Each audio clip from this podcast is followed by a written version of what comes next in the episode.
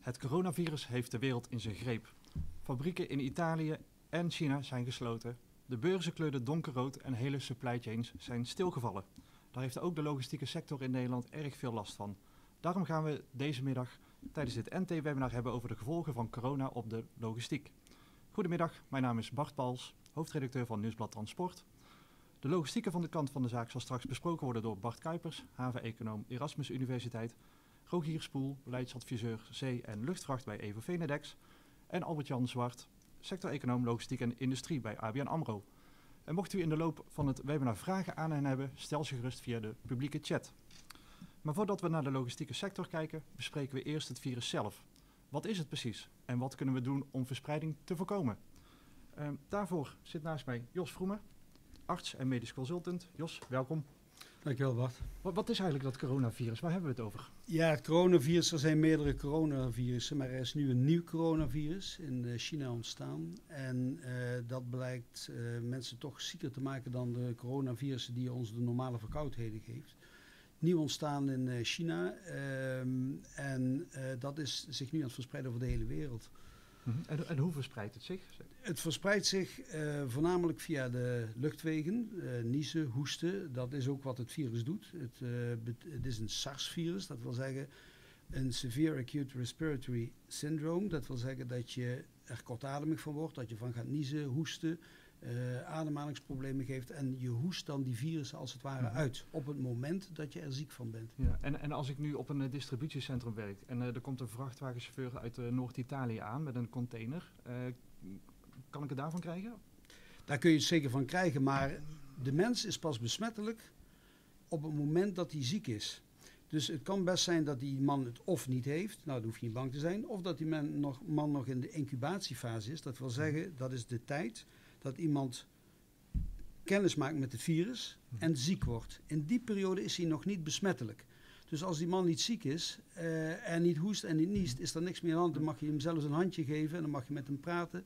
Maar als die man koorts heeft en het nies en hoest is, dan zou ik contact met hem mijden. En als de container vol zit met dozen en die doos is ingepakt in Italië door iemand die koorts heeft en erop geniest heeft, uh, iemand die besmet is met corona en hij komt dan een dag later in Nederland aan, kan ik het dan, zit het dan nog op die doos? Ja, dat is een hele actuele vraag. Uh, het is zo dat een virus is niet als een bacterie, dat leeft veel minder lang in de buitenlucht. Het, een virus is echt afhankelijk van een gastheer in wiens cellen hij leeft en dan kan hij kortdurend buiten het lichaam leven. Maar iets wat 24 uur is uitgepakt, uh, wat aan normale uh, temperatuur heeft blootgestaan, daar is eigenlijk het virus van af. Hm. Uh, er zijn contactoppervlakten waar het iets langer kan bestaan. Zijn, daar wordt ook nog research in gedaan. Maar in de regel kan men aannemen dat na 24 uur contact met deze oppervlakte geen groot infectierisico. Ja. En, en nu in Nederland, ja, de eerste gevallen zijn er helaas ook. Ja. Um, hoeveel gevaar loopt de workforce van een bedrijf precies? Ja, de workforce van bedrijven. Kijk, bedrijven hebben meestal jonge mensen. Uh, als we nou naar de statistieken van dit virus kijken, wat er tot nu toe van bekend is, dan zien we dat ongeveer van de mensen die het krijgen, 17% uh, echt ziek wordt. Mm -hmm. uh, een ander percentage kan wel besmettelijk worden, maar die kunnen eventueel blijven doorwerken. Um, die 17% die niet kan werken, ja, die valt natuurlijk sowieso af. Op het ogenblik is onze houding zodanig dat iemand die ziek wordt ook beter niet naar het werk kan komen om anderen niet aan te steken. Het kan zijn dat dat in de toekomst gaat veranderen. We zien dat uh, misschien al een beetje in de ziekenhuizen, waar mensen die in aanraking zijn geweest met coronapatiënten gewoon doorwerken. En zolang ze niet ziek zijn, kunnen ze dat ook. Pas op het moment dat ze ziek worden of symptomen gaan vertonen, hoeven ze nog niet ernstig ziek te zijn, maar symptomen gaan vertonen, dan moeten ze aan het werkproces onttrekken. Mm -hmm. Want dan worden ze besmettelijk voor hun omgeving. Ja, dus je moet als werkgever vooral streng zijn op mensen die uh, kuchen, niezen, hoesten, die echt uh, de tonen Juist. van verkoudheid ja. uh, bezig En zijn mensen niet ziek, dan kun je ze gerust laten werken. En daar zit ook een stukje sociale discipline, vind ik zelf, van de werknemer. Die kan blijven werken en niet met de gekte mee moet gaan. Maar op het moment dat hij dus koorts krijgt, zich ziek voelt, begint te hoesten en kuchen, dan moet hij de discipline hebben om zich aan dat werkproces te onttrekken en thuis te blijven. Ja, dus even samengevat, welk advies geef je bedrijven die uh, ja, niet te zwaar getroffen willen worden door mensen met uh, werknemers met corona? Ligt de patiënt goed voor. laat, uh, kijk dagelijks naar de RIVM-richtlijnen. Ik denk dat we daar in Nederland ook heel rationeel en goed mee bezig zijn. In tegenstelling tot vaak de massa-hysterische reacties in het buitenland. Um, en druk ze wel op het hart dat zodra ze symptomen beginnen te vertonen, dat ze dan thuis blijven op dat moment. En voor die periode kunnen ze gerust blijven werken. Mm -hmm, ja. En um, uh, je, ik heb een paar keer gelezen van, ja, net als een griepvirus, als het voorjaar wordt, als het warm wordt, dan uh, verdwijnt het. Uh, is dat ook het geval met, met corona?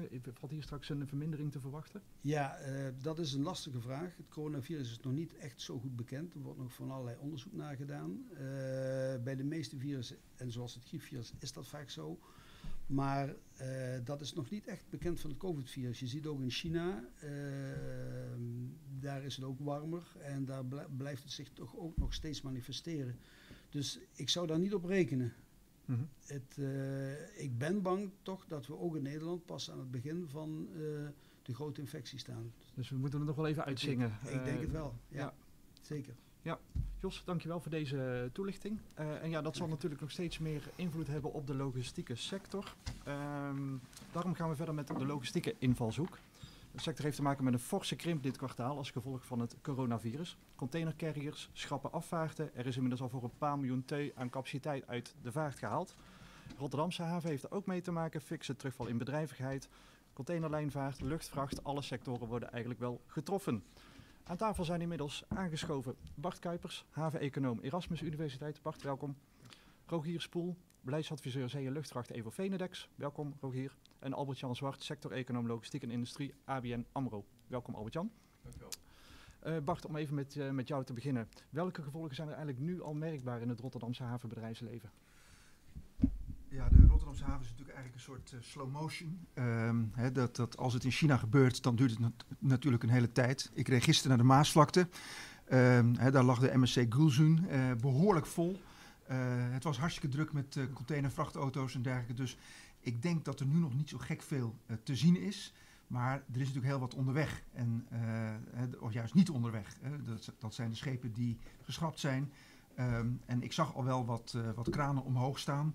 Um, maar het, mm -hmm. het, uh, dus ik denk dat het allemaal nog echt gaat komen de komende dagen, de komende weken. Wanneer is de echte grote dip te verwachten dan? Ja, eigenlijk op dit moment. Ik denk dat, dat, dat je nu, als je terugrekent, zit je ongeveer die vier weken.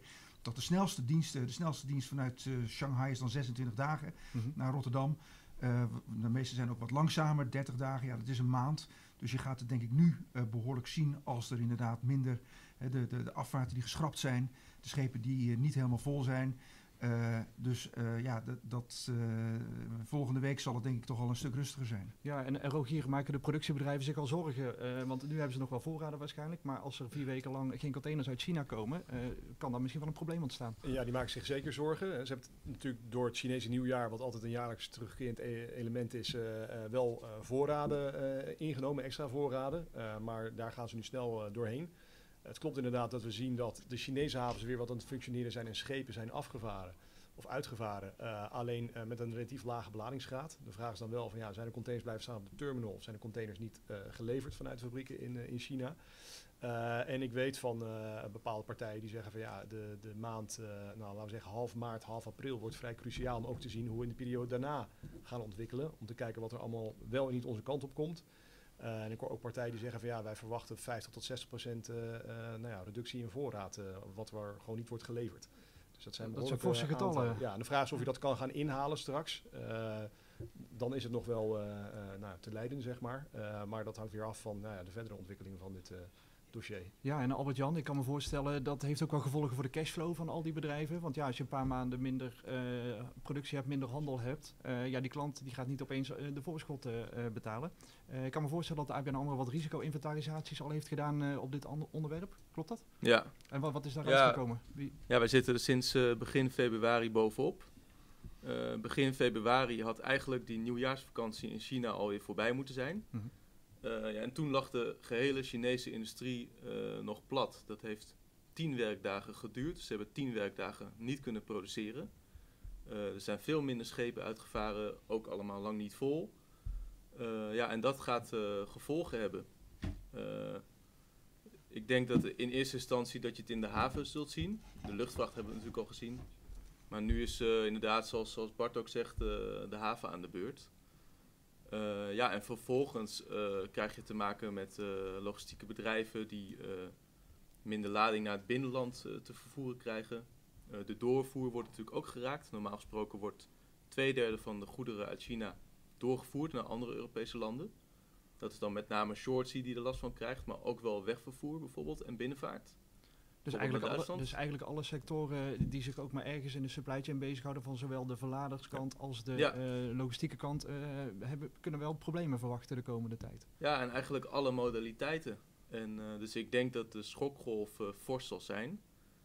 maar het is denk ik wel een beetje onderschat in Nederland. we hebben ook veel contact gehad met klanten.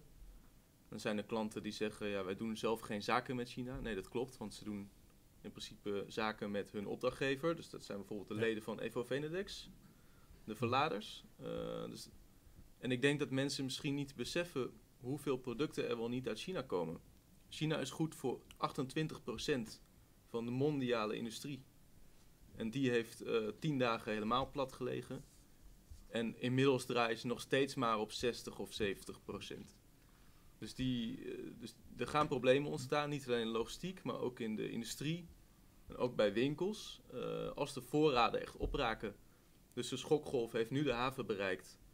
En ja, als de voorraden op zijn van producten bij winkels en uh, auto-onderdelen bijvoorbeeld, ja, dan, uh, dan gaan echt bedrijven stilvallen of heel veel omzet mislopen. En hoe lang gaat het dat duren? hebben we het dan over weken? Hebben we het over maanden?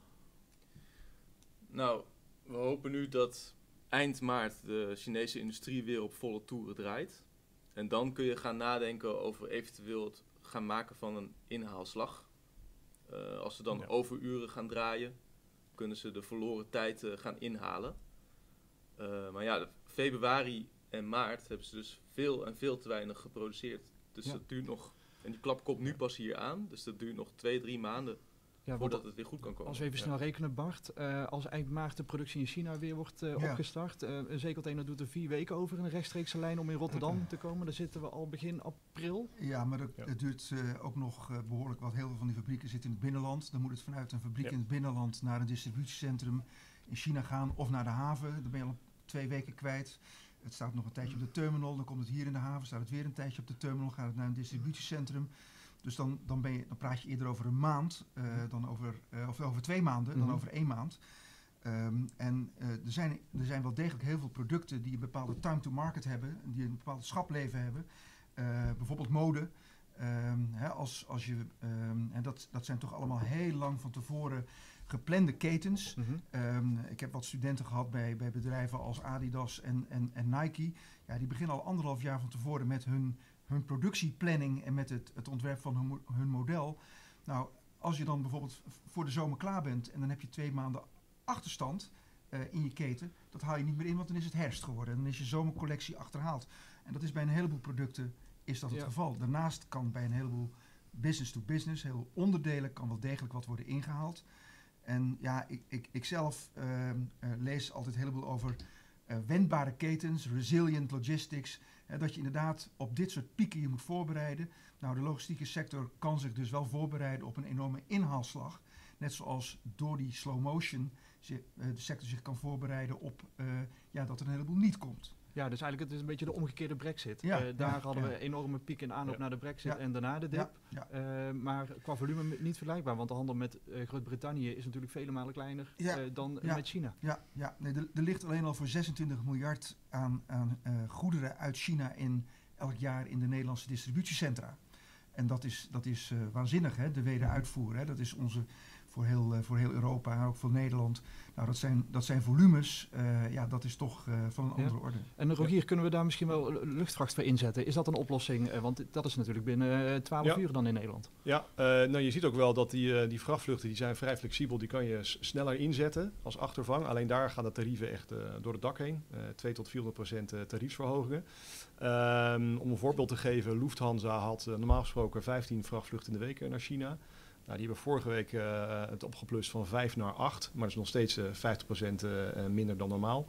Het grootste probleem bij luchtvracht zit vooral in het feit dat al die passagiersvluchten zijn geannuleerd. Want 50% van de luchtvracht zit in de zogenaamde belly van passagierstoestellen. Dus 50% van die capaciteit is weggevallen. En ja, waarom vallen die vluchten uit? Dat is ook grotendeels omdat er gewoon minder vraag is naar passagierstickets. Dus de, ja, de, de, de, de boekingsgraad naar Hongkong, Peking, Shanghai vallen gewoon tegen.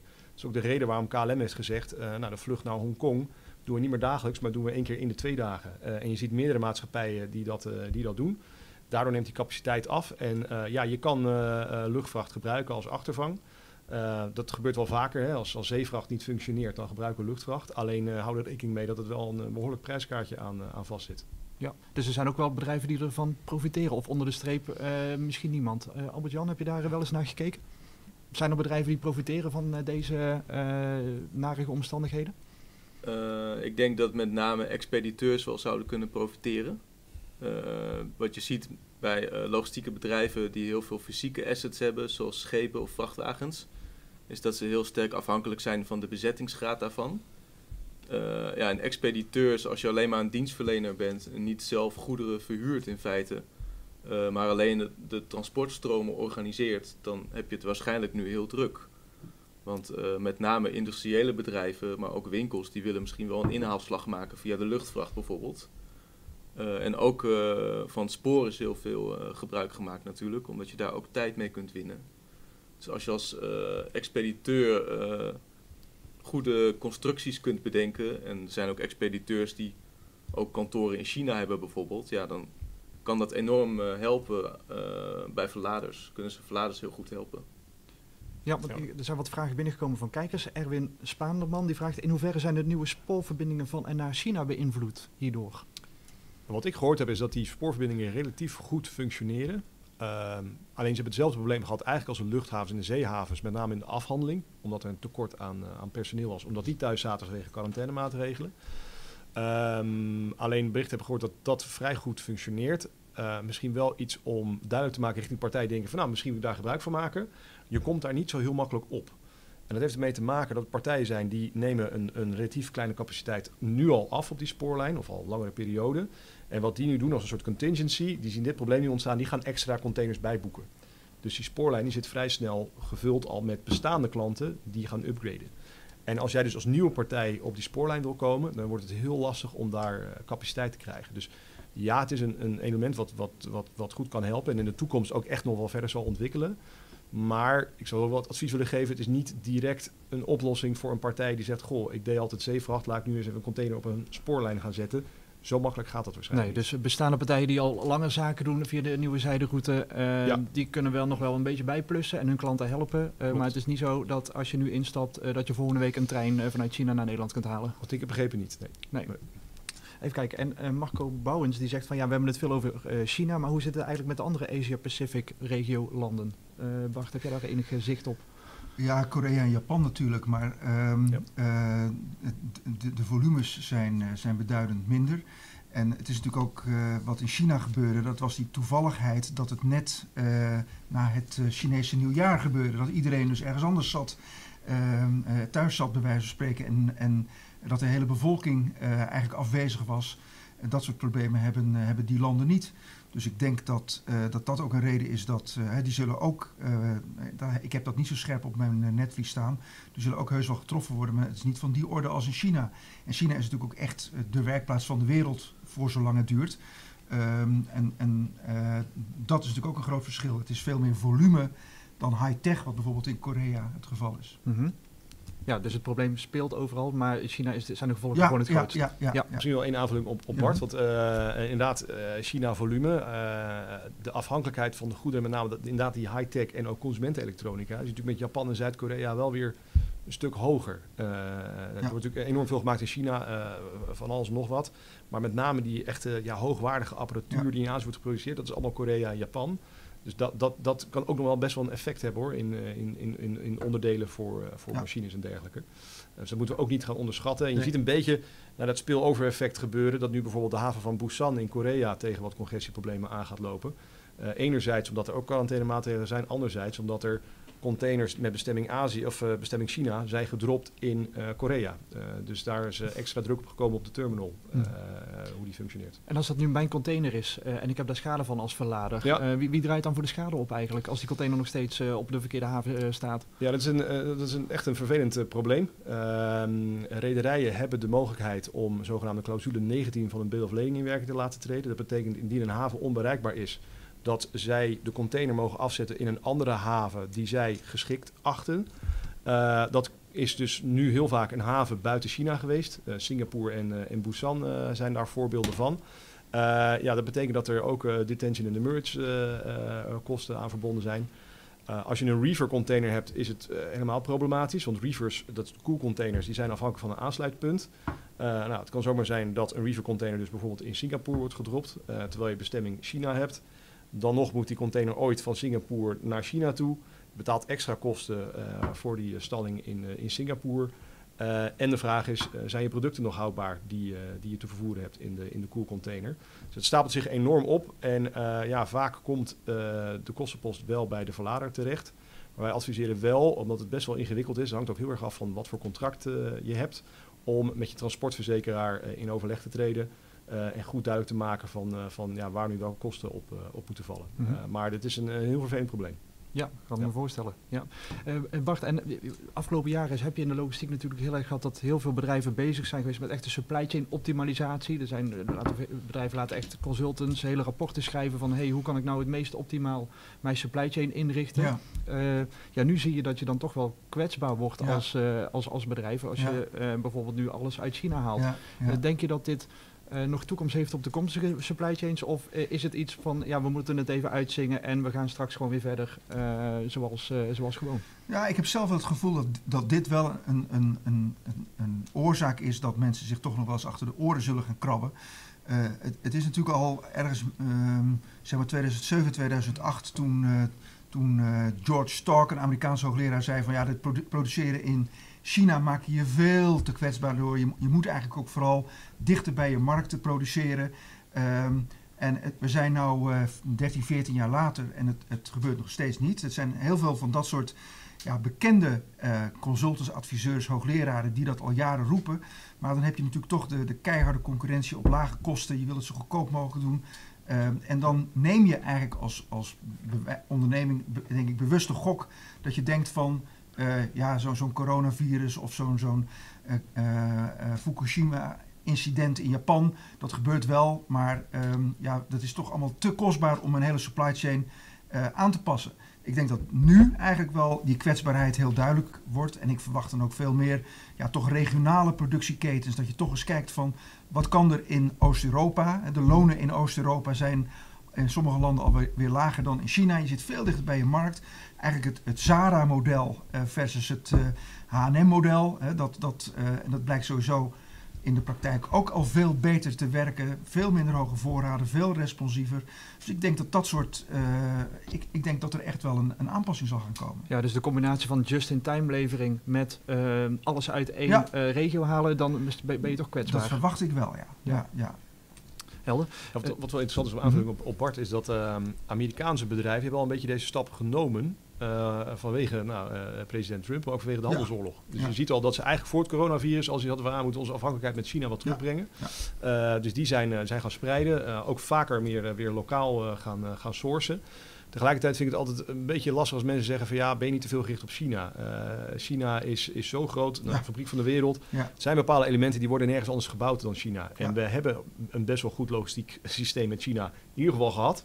Eh, en je kan het wel verplaatsen naar een ander land, maar dan kan je zomaar weer tegen heel andere problemen aan gaan lopen. Dus het zijn wel Ja. dingen die je mee moet Ja. nemen, dat je Ja. andere onzekerheden er wellicht weer voor terugkrijgt. Ja, dus de kostenbatenanalyse kan ook eh, negatief uitvallen. Kan. Ja, ja. Heel veel zaken zijn niet te ver, eh, verplaatsen. Hè. Wat bijvoorbeeld Apple in, in eh, Foxconn in Shenzhen heeft gedaan.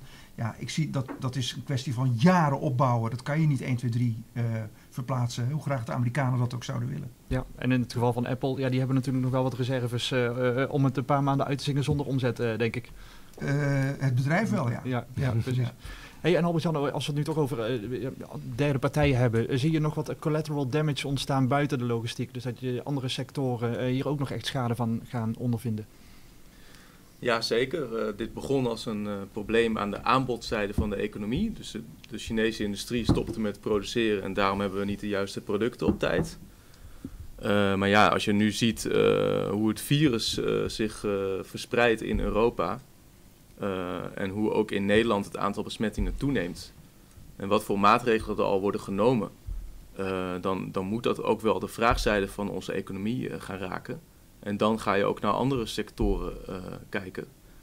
Uh, bijvoorbeeld, uh, nu zie je heel veel zakelijke evenementen geannuleerd of verplaatst worden. Nou, dat raakt direct de hotellerie, raakt direct cateraars, bijvoorbeeld standbouwers voor beurzen. Die hebben nu opeens bijna geen werk meer. Ja, en ook alle logistieke bewegingen daaromheen, die, die worden daardoor geraakt. en daarnaast kun je een uh, negatief effect gaan zien op het consumentenvertrouwen. Uh, de James Bond film is uh, uitgesteld, zou eigenlijk in april in de bioscoop zijn. Ik zou ook gaan kijken, komt nu pas in november.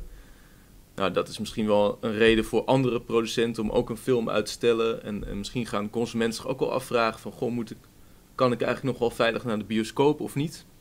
En als je ook kijkt naar Zuid-Korea, dan zie je dat het consumentenvertrouwen echt in hoog tempo is achteruit gekelderd uh, toen het aantal besmettingen daar toenam. En ik denk dat we dat in, uh, in, in maart ook in de Nederlandse sentimentcijfers uh, zullen zien. En dat kan een negatieve spiraal veroorzaken, denk ik. als consumenten minder naar horeca gaan, minder reizen boeken, ehm, minder ehm, naar winkels gaan, misschien wel fysieke winkels, of als winkels minder producten hebben uh, ja, dan gaan bedrijven ook minder investeren. Want je, je investeert omdat je wil profiteren van consumptie uiteindelijk. Ja, dus, dus dat kan echt een sneeuwbaleffect veroorzaken. Dus zomaar kan ze dan weer in recessie uh, raken als, als wereld zijnde. En vroeger ja. was het spreekwoord uh, als Duitsland uh, niest, dan wordt Nederland verkouden. Maar nu zou je kunnen zeggen als China niest, wordt de hele wereld ziek. Ja, ja. zeker. Ja. En, en gaan we dat nog inhalen, die, die schade?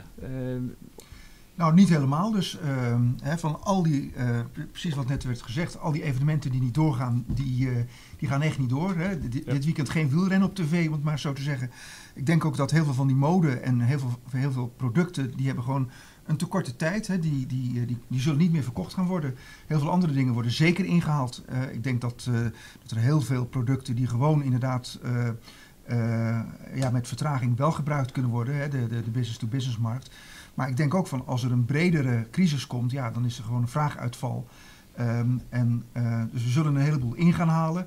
Dat was na de, de, de, kredietcrisis in 2009 ook het geval. had je echt een V. Uh, maar uh, zeker niet alles. -hmm. Ja, en, en Rogier, als brancheorganisatie van de Vlaanderen, moet ja. de overheid in actie komen? Want het zijn ook met name jouw leden natuurlijk die in de problemen eh, gaan komen. Ja, het is moeilijk om gelijk te zeggen van waar moet nou de uh, overheid uh, in actie komen. Hè. We hebben bijvoorbeeld wel eens discussies over overbruggingskredieten voor bedrijven. er is al actie ondernomen met werktijdsverkorting mogelijk ja. te maken. Als we kijken naar logistiek, denk ik met name bij luchtvracht dat er wel wat dingen te doen zijn. Uh, er zijn natuurlijk enorm veel slots uh, niet gevlogen. Uh, die zou je eigenlijk opnieuw kunnen uitgeven. Waarbij je zegt van reserveer daar nou een deeltje van voor wat extra vrachtvluchten. Zodat we dat systeem in, in China wat kunnen ontlasten. En de urgente goederen die daar nog staan via luchtvracht deze kant op, op kunnen krijgen. Dat is ingewikkeld, ehm, want ja, die slotregels die, die zijn vrij streng. maar toch denk ik dat je daar wel naar een oplossing moet gaan zoeken. Uh, op Europees niveau is er een oproep geweest van uh, IATA om de zogenaamde slotregels uh, te versoepelen. want ja, je, je, hebt een soort eis dat je 80% van je slots op tijd moet vliegen, anders raak je ze kwijt. Maar ja, er zijn heel veel vluchten geannuleerd, dus al die historische rechten die komen te vervallen. Maar volgens nog heeft de Europese Commissie gezegd van nou wij gaan daarin niet mee. Uh, de airlines moeten eerst maar eens laten zien hoeveel schade ze nu daadwerkelijk leiden. Nou, gisteren kwamen de getallen naar buiten waar je niet vrolijk van wordt.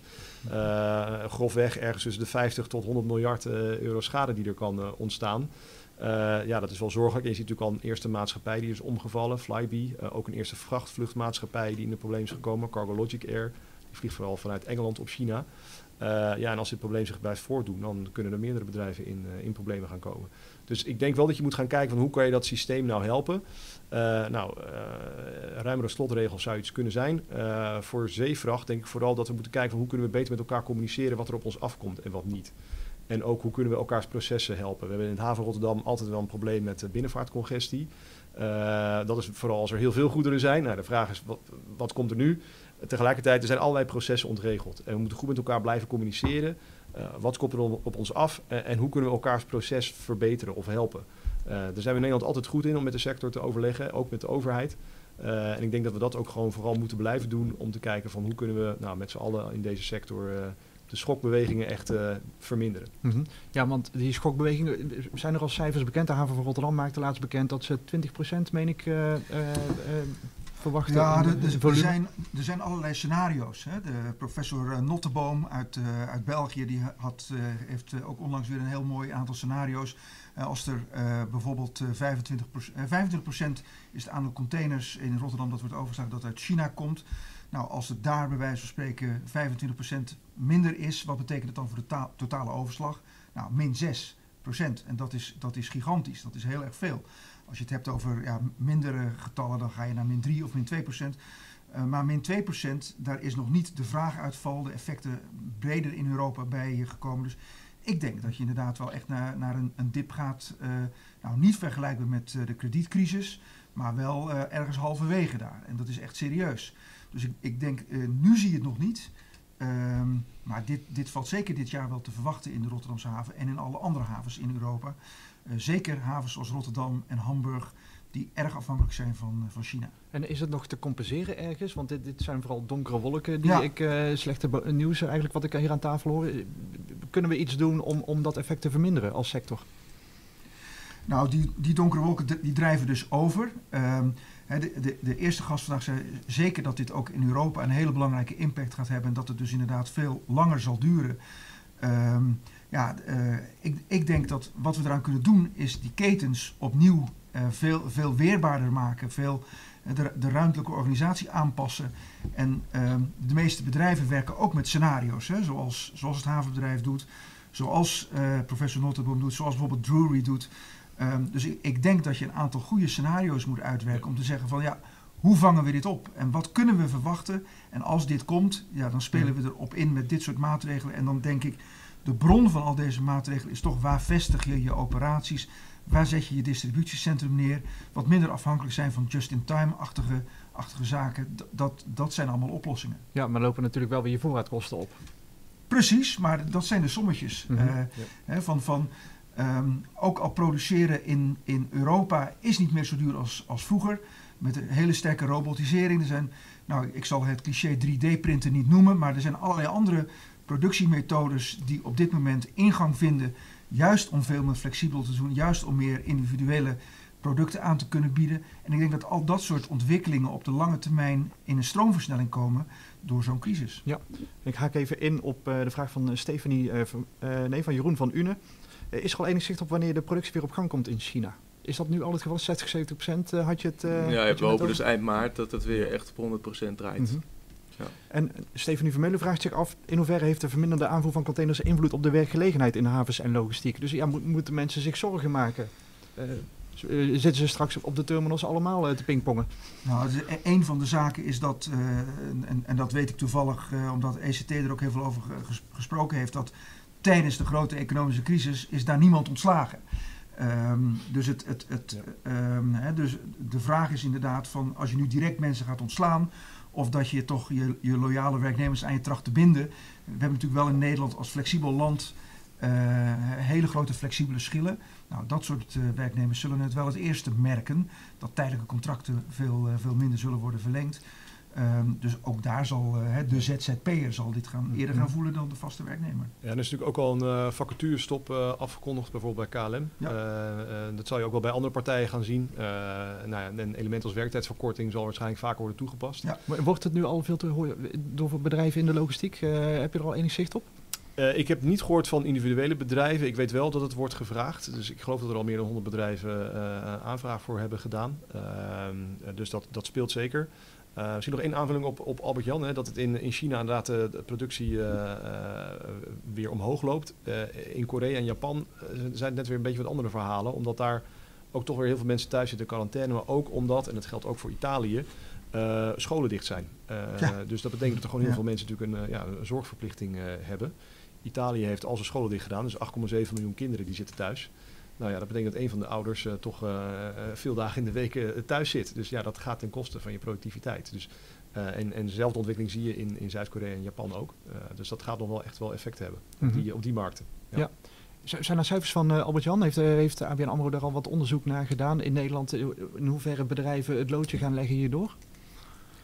Eh, nou, we hadden het net over de overheidsmaatregelen en ook over de werkgelegenheid. En een belangrijke maatregel die de overheid heeft genomen om te voorkomen dat bedrijven massaal omvallen, is dus die werktijdsverkorting. Eh, we hebben vanochtend nog contact gehad met het ministerie van Sociale Zaken. Eh, en eh, er zijn nu ruim 600 aanvragen ingediend. En dan met name in de logistiek en ook in de industrie. En het aantal loopt snel op, want gisteren waren het er nog 500 en vorige week waren het er volgens mij maar 100. Dus, en dat is denk ik een belangrijke maatregel. Daar zijn de ZZP'ers niet mee geholpen. Eh, maar wel heel veel werknemers met een eh, gewoon arbeidscontract. En eh, het is een belangrijke maatregel, omdat het direct cash scheelt. Kijk, misschien kunnen we later dit jaar of begin volgend jaar alles weer wat herstellen, een inhaalslagje maken, ook in de logistiek. Maar ja, op de korte termijn heb je daar niets aan als je te weinig cash hebt, want dan ben je gewoon failliet. Want cash is zuurstof voor een bedrijf. Eh, maar ja, als je die werktijdsverkorting, als je die tijdig aanvraagt en je kunt meteen mensen eh, korter laten werken en je hoeft ze dan niet te betalen, dat, dat scheelt direct in je kaststroom. Dus dat is echt een goede maatregel, denk ik. En, en ben je dan als bank op dit moment juist strenger in eh, het toekennen van extra overbruggingskrediet voor individuele bedrijven of juist soepeler? Omdat je weet van straks komt er wel weer een piek aan en eh, ze gaan het wel redden. Nou, in dit stadium, ik denk dat we een beetje stilte voor de storm hebben nu. Eh, we zeggen al sinds, sinds begin februari, er komt echt een enorme schokgolf aan. En die komt er nu ook. Eh, maar op dit moment zijn er denk ik nog geen bedrijven met eh, acute liquiditeitsproblemen. Nou, Flybe natuurlijk wel, maar dat is de luchtvaart, dat is een ander verhaal. Ehm, maar ja, de komende tijd zullen we dat echt wel zien. Dus op dit moment proberen we heel erg onze klanten te informeren met onze analyses en te waarschuwen van er komt echt iets groots aan. Ehm, en we willen ook dat klanten goed kijken naar oké, wat voor gevolgen heeft dit nou voor mijn eh, bedrijfsvoering? En wat voor maatregelen zou ik eh, kunnen nemen? Eh, bijvoorbeeld de werktijdsverkorting. Maar je zou misschien ook wel kunnen denken aan bijvoorbeeld het bundelen van lading met, met, met misschien wel concurrenten. Als jij opeens op een bepaalde route 50% eh, minder lading heeft en jouw buurman heeft dat ook, kun je misschien wel slechts één vrachtwagen laten rijden. En dan eh, bespaar je samen al, al, al meteen kosten en dat scheelt meteen in je kaststroom. Eh, en als bedrijven dan eh, toch in acute liquiditeitsproblemen komen en het is verder gewoon een goede onderneming, dan kunnen we inderdaad kijken naar het verstrekken van wat extra liquiditeit. Dus we gaan zeker niet strenger erop toezien. Helder. Hey, en eh, Bart, als je kijkt naar de logistieke stroom in Nederland, congestie is eigenlijk altijd al wel een, een, een probleem eh, waar eh, veel aandacht voor is. Mhm. Als we even uitgaan van een positief scenario en in China is de corona binnenkort voorbij, dus Mhm. inderdaad alle containers komen naar Rotterdam en, en Antwerpen en, en Schiphol. Z- Kunnen we die stroom wel aan? Zijn we daar klaar voor? Of hebt het nog een beetje na omdat we met enorme congestie te maken krijgen? Ja, ik, ik, ik denk dat een, soort stortvloed van containers die dan opeens komt, eh, ik denk dat dat wel meevalt. Omdat we bijvoorbeeld hier ook in Europa eh, ook onze problemen hebben. En dat het niet alleen als het in China is, dat ze dan allemaal klaarstaan en en masse eh, hier naartoe komen. Ehm, dus ik, ik, ik denk dat dat wel, ik verwacht niet dat er dan op, opeens de wegen helemaal vol staan. Er moeten natuurlijk achterstallige, ehm, ja, allerlei achterstallige voorraden worden ingehaald. Ehm, ehm, maar ja, dat zal toch eh, beetje bij beetje gaan, denk ik zelf. Zeker als je, als je kijkt naar een, een, een afnemende groei, een afnemende vraag eh, in Europa door misschien een, een, een recessie, eh, dan, dan hoort dat er ook bij. Ik denk wel bijvoorbeeld dat sectoren zoals bijvoorbeeld de landbouw in Nederland. Nederland is natuurlijk ook een enorm centrum van handel in avocado's voor de rest van Europa. Al dat soort eh, verse waar. Eh, hè, we, we exporteren nu heel veel eh, varkensvlees naar China. Nou, dat- zijn inderdaad allemaal eh, sectoren die in de problemen komen. En die ook minder snel weer op gang zullen komen. Dus, na- dus ik denk dat er zeker een grote herstelvraag is. Ik denk dat er aan de andere kant zeker ook minder vervoer, vervoerd zal gaan worden door zo'n zo'n recessieachtig iets waar we waarschijnlijk wel in belanden. Ja, en, en als je kijkt naar de, de rederijen met de containerlijnvaart, ja. ja, die hebben al een aantal jaar natuurlijk niet zoveel verdiend. de marges waren laag, Nee, er was veel overcapaciteit. Ja, ja. Ehm, zie je daar nog marktconsequenties? Nou, eh, precies. Dat, dat, ik denk dat voor de containerlijnen wordt het natuurlijk een rampzalig jaar. Er zijn nog een heleboel van die grote schepen in, in aanbouw. Ehm, ja, daar, daar verwacht ik inderdaad. Hè, de, er stond in Nieuwsblad Transport ook eh, deze week dat, er, dat de kans zonder corona al groot was dat er weer een, eh, een reden zou omvallen. Gerelateerd aan de financiële gegevens. Ehm, dus daar, daar zullen zeker eh, redens omvallen. En, en de zwakke broeders zullen daar uit, uit die markt gaan. Maar in wezen is die capaciteit die op dit moment aanwezig is, erg groot. Ehm, dus ik, ik, ik, ik denk juist ook eh, als je door dat dal gaat, dat je die capaciteit weer kan inzetten. Er worden nu ook heel veel schepen opgelegd. Er wordt capaciteit uit de markt genomen. Er wordt vooral met de blank sailings en, en, en een aantal heel veel eh, schepen die gewoon in, in wezen niet varen, wordt er eigenlijk ook maximaal ingespeeld op, eh, ja, om de trade gezond te houden. Mhm. Ja, dus eigenlijk is het een soort gezonde correctie die misschien wel nodig was voor de sector. Nee, dat zeg ik niet, want eh, een gezonde correctie, dat, dat is er eigenlijk al, al geweest. Het is een sector die heel lang niet veel goede, slechte jaren, maar de, de beste reder, ehm Maersk, die staat geloof ik net boven de junk-status van, eh, van de financiële beoordelaars. Ja. Flinke Dus, klappen gehad op de eh, beurs ook. Ja, flinke klappen gehad. Dus het is, eh, het is wat dat betreft, zo'n correctie is denk ik niet nog eens een keertje extra Mhm. nodig. Eh, Rogier, hoe kijk jij daar tegenaan? Eh, nou, ik ben het wel eens met, eh, met Bart. Eh, sowieso, de containerlijnvaart heeft dit jaar al, ook al een lastig jaar. Omdat we nou ja, de hele IMO 2020-regelgeving en scrubbers, hele discussies over hebben. Dus het zijn al schepen die, nou ja, die moeten dan worden geretrofit als het ware. Er moet zo'n scrubber Ja. in worden geplaatst. Maar ook bijvoorbeeld hier in de haven Rotterdam te geven. We hebben geloof ik nou, drie, vier weken vol storm gehad. Eh, nog nooit gehad volgens mij, zulke Nee. zware stormen. Ja. ja, daar, raken- daar, raken de terminals van al van ontregeld. Als we een bepaalde periode hebben dat er veel containers deze kant op komen en we hebben storm, ja, dan krijg je eh, dit soort eh, eh, processen die, je- die je niet echt in de hand hebt. Eh, wij vinden het wel zorgelijk vanuit Valaas bezien eh, als er een aantal eh reders weer verdwijnen, eh, Ja. rederijen. eh, dat de markt dan wel heel dun wordt Ja. met, op het gebied van concurrentie tussen Ja. die partijen. Dat, Ja. daar, daar hebben we al zorgen over. Ja, dus Na de, de, na de, straks zeg maar drie of vier grote over. Eh, ja, en die hebben allemaal hun eigen markt in handen. Ja, dan heb je bijna een monopolie in plaats van een oligopolie wat het nu is. ja, dus na de brandstoftoeslag en de zwaveltoeslag kunnen we straks ook een coronatoeslag eh, verwachten. Waar jullie natuurlijk weer tegen gaan ageren. Ja, nou ja, er worden al toeslagen gevoerd. Hè. Dus eh, verschillende, de GRI wordt verhoogd. Er komt een congestietoeslag in havens. peak season surcharge toeslag wordt, wordt doorgevoerd. Dus dat, eh, dat, dat gaat gewoon door. Al die elementen worden toegepast. En eh, er werd inderdaad gekscherend al op kantoor gezegd... joh, is de coronatoeslag al toegepast? Mhm. Nou, niet als zodanig, maar eh, er wordt al wel rekening mee gehouden. Albert-Jan, hoe kijk jij er tegenaan, de, de, de containerlijnvaart? Ja, ik heb ook dat rapport gelezen waar Bart aan refereerde. Eh, ja, en als er, als er een reden omvalt, dan zijn de schepen natuurlijk niet weg. Dus dan is inderdaad de vraag, gaat, eh, Ja. gaat een Maersk eh, dat soort schepen overnemen? Worden die verdeeld tussen de andere grote reders? En, en wat betekent dat voor hun marktmacht? Ja, zeker. Er komt een vraag binnen van Ferry de Vent. Hoe zien jullie de gevolgen voor de bulksector? Is het vergelijkbaar met eh, de, eigenlijk de containerlijnvaart of de containersector? Of eh, is dat wel een hele specifieke markt die wat minder aan conjunctuur onderhevig is? Wat, wat ik begreep is dat het, het, het effect iets minder is. Maar het heeft ook te maken dat het ook wel vaak weer gecharterde schepen zijn. Dus daar kan je ook wel weer wat anders in, eh, in betekenen. Tegelijkertijd, eh ja, bulk hangt ook wel af welke markt je het over hebt. Eh, ehm, eh, dus, dus dat verschilt wel per, per markt. Maar Waar verwacht je de grootste effecten in de bulksector? In welk segment? Nou, de Baltic Exchange heeft natuurlijk sterk gereageerd, eh, wat natuurlijk echt een bul- bulkindicator is. En zeker als er macro-economische gevolgen zijn, vraaguitval. En je ziet het ook, eh, een van de methoden om te meten of de economie in China weer aantrekt, is hoeveel kolen worden er eh, bij wijze van spreken gebruikt. Ehm, dat soort commodities, eh, ja, die vallen ook weg bij een, een, een, een- flinke coronacrisis. Dus ik, ik denk dat die sectoren ook zeker getroffen worden. Ehm, en ehm, ja, dat eh, eh, ook zeker in, eh, in China als de, hè, we hebben het al vaker gezegd, een een heel groot centrum voor, voor ju- juist kolen, juist staal, dat, dat soort basisproducten. Ehm, ja, daar, daar, zal, daar zullen klappen vallen. Wat je ook hoort is dat Belt and Road, dat grote Chinese infrastructuurproject, dat dat ook helemaal stil ligt. Er wordt natuurlijk ook enorm geïnvesteerd in allerlei havens en al dat soort eh, projecten. Dat ligt stil omdat heel veel Chinezen zijn ook weg en komen niet terug.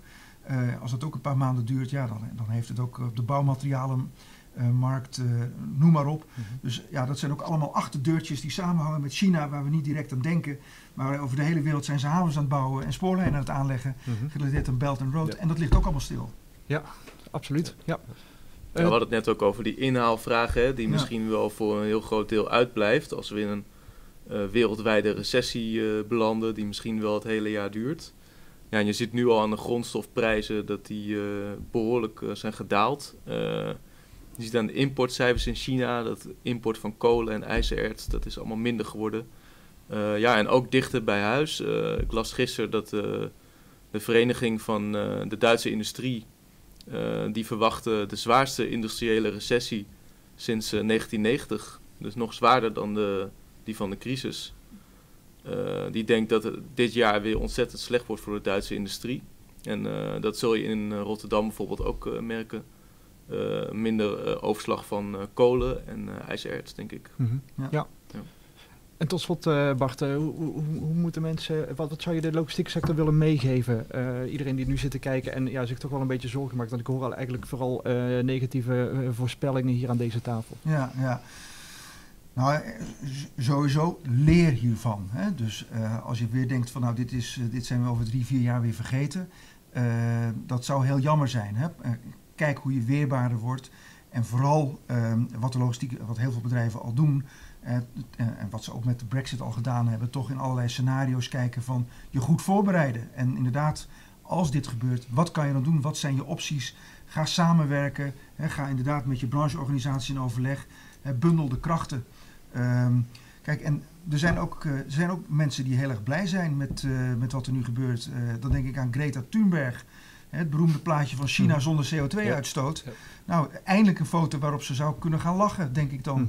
Hè, dus dat, dat is het happy end. Ja, dus het milieu is de lachende derde, zou je kunnen zeggen. Nou ja, dat is natuurlijk wel wat er in China nu gebeurt. Dat is Ja. ongeëvenaard. En dan zie je ook hoe uniek dit eigenlijk is en, en waar we mee bezig zijn. Want er zijn heel veel mensen die nu ook zeggen van ja, hè, van, van die, die, die fast fashion, alles is op hol geslagen.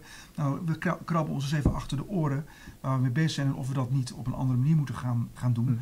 En dan denk ik vooral aan de organisatie van de logistiek. Ga nou eens kijken met elkaar van ja, wat, wat je daaraan kan doen om dit te voorkomen. Mhm. Ja, en dat is dus de diversificatie van de supply chains. eh, Bijvoorbeeld, ja. ja, ja. Ja. Maar er is veel meer. Ik denk IT, heel veel, veel meer informatie, veel zichtbaarder worden. Hm. Ik denk dat er een heleboel oplossingen zijn. Eh, Rogier, wat zou jouw boodschap zijn aan de sector eh, over de komende periode? Nou ja, ik denk dat, er, dat, dat, dat als je dit allemaal beluistert, dat je eh, de, de schrik je een beetje om het hart eh, slaat. Eh, tegelijkertijd denk ik altijd dat we best wel veerkrachtig zijn, eh, zeker in Nederland, om, eh, om dit op te vangen en ook om alternatieven te zoeken. Ehm, ik denk dat het ook wel verstandig is om ook eh, toch wat meer te kijken naar produce local. Eh, twee Ja. redenen. Eén, je bent minder afhankelijk van die, eh, van die supply chain. eh, zeker als het helemaal uit, eh, uit Azië moet komen. En ook twee, ten aanzien van duurzaamheid. Ja. Eh, Ik bedoel, ja, eh, mensen die dat een warm hart toedragen, hebben nu wel het bewijs wat het effect daarvan is. Eh, je ziet ook wel dat, dat bedrijven in hun overwegingen om nu bijvoorbeeld naar allerlei evenementen niet te gaan eh, en, en meetings eh, op, nou ja, via webinars en dergelijke te doen, eh, ook gaan nadenken van nou moet ik wel mijn, eh, mijn medewerker weer de, de, de, de wereld over laten vliegen of eh, hebben we zo'n goed IT-systeem dat we het gewoon eh, online allemaal kunnen doen. Dat zijn wel discussies die je nu gaat krijgen en die dit, eh, die dit hebben aangewakkerd. Dat is alleen maar goed. Mhm. Ja, Ja. helder. Albert-Jan, het laatste woord eh, is aan jou. Ja, ik heb twee eh, tips. De eerste tip is om eh, heel goed te kijken door de hele logistieke keten. Welke schakels eigenlijk allemaal in die keten zitten. Eh, als jouw opdrachtgever eh, bepaalde goederen importeert, waar komen die goederen dan eh, vandaan bijvoorbeeld?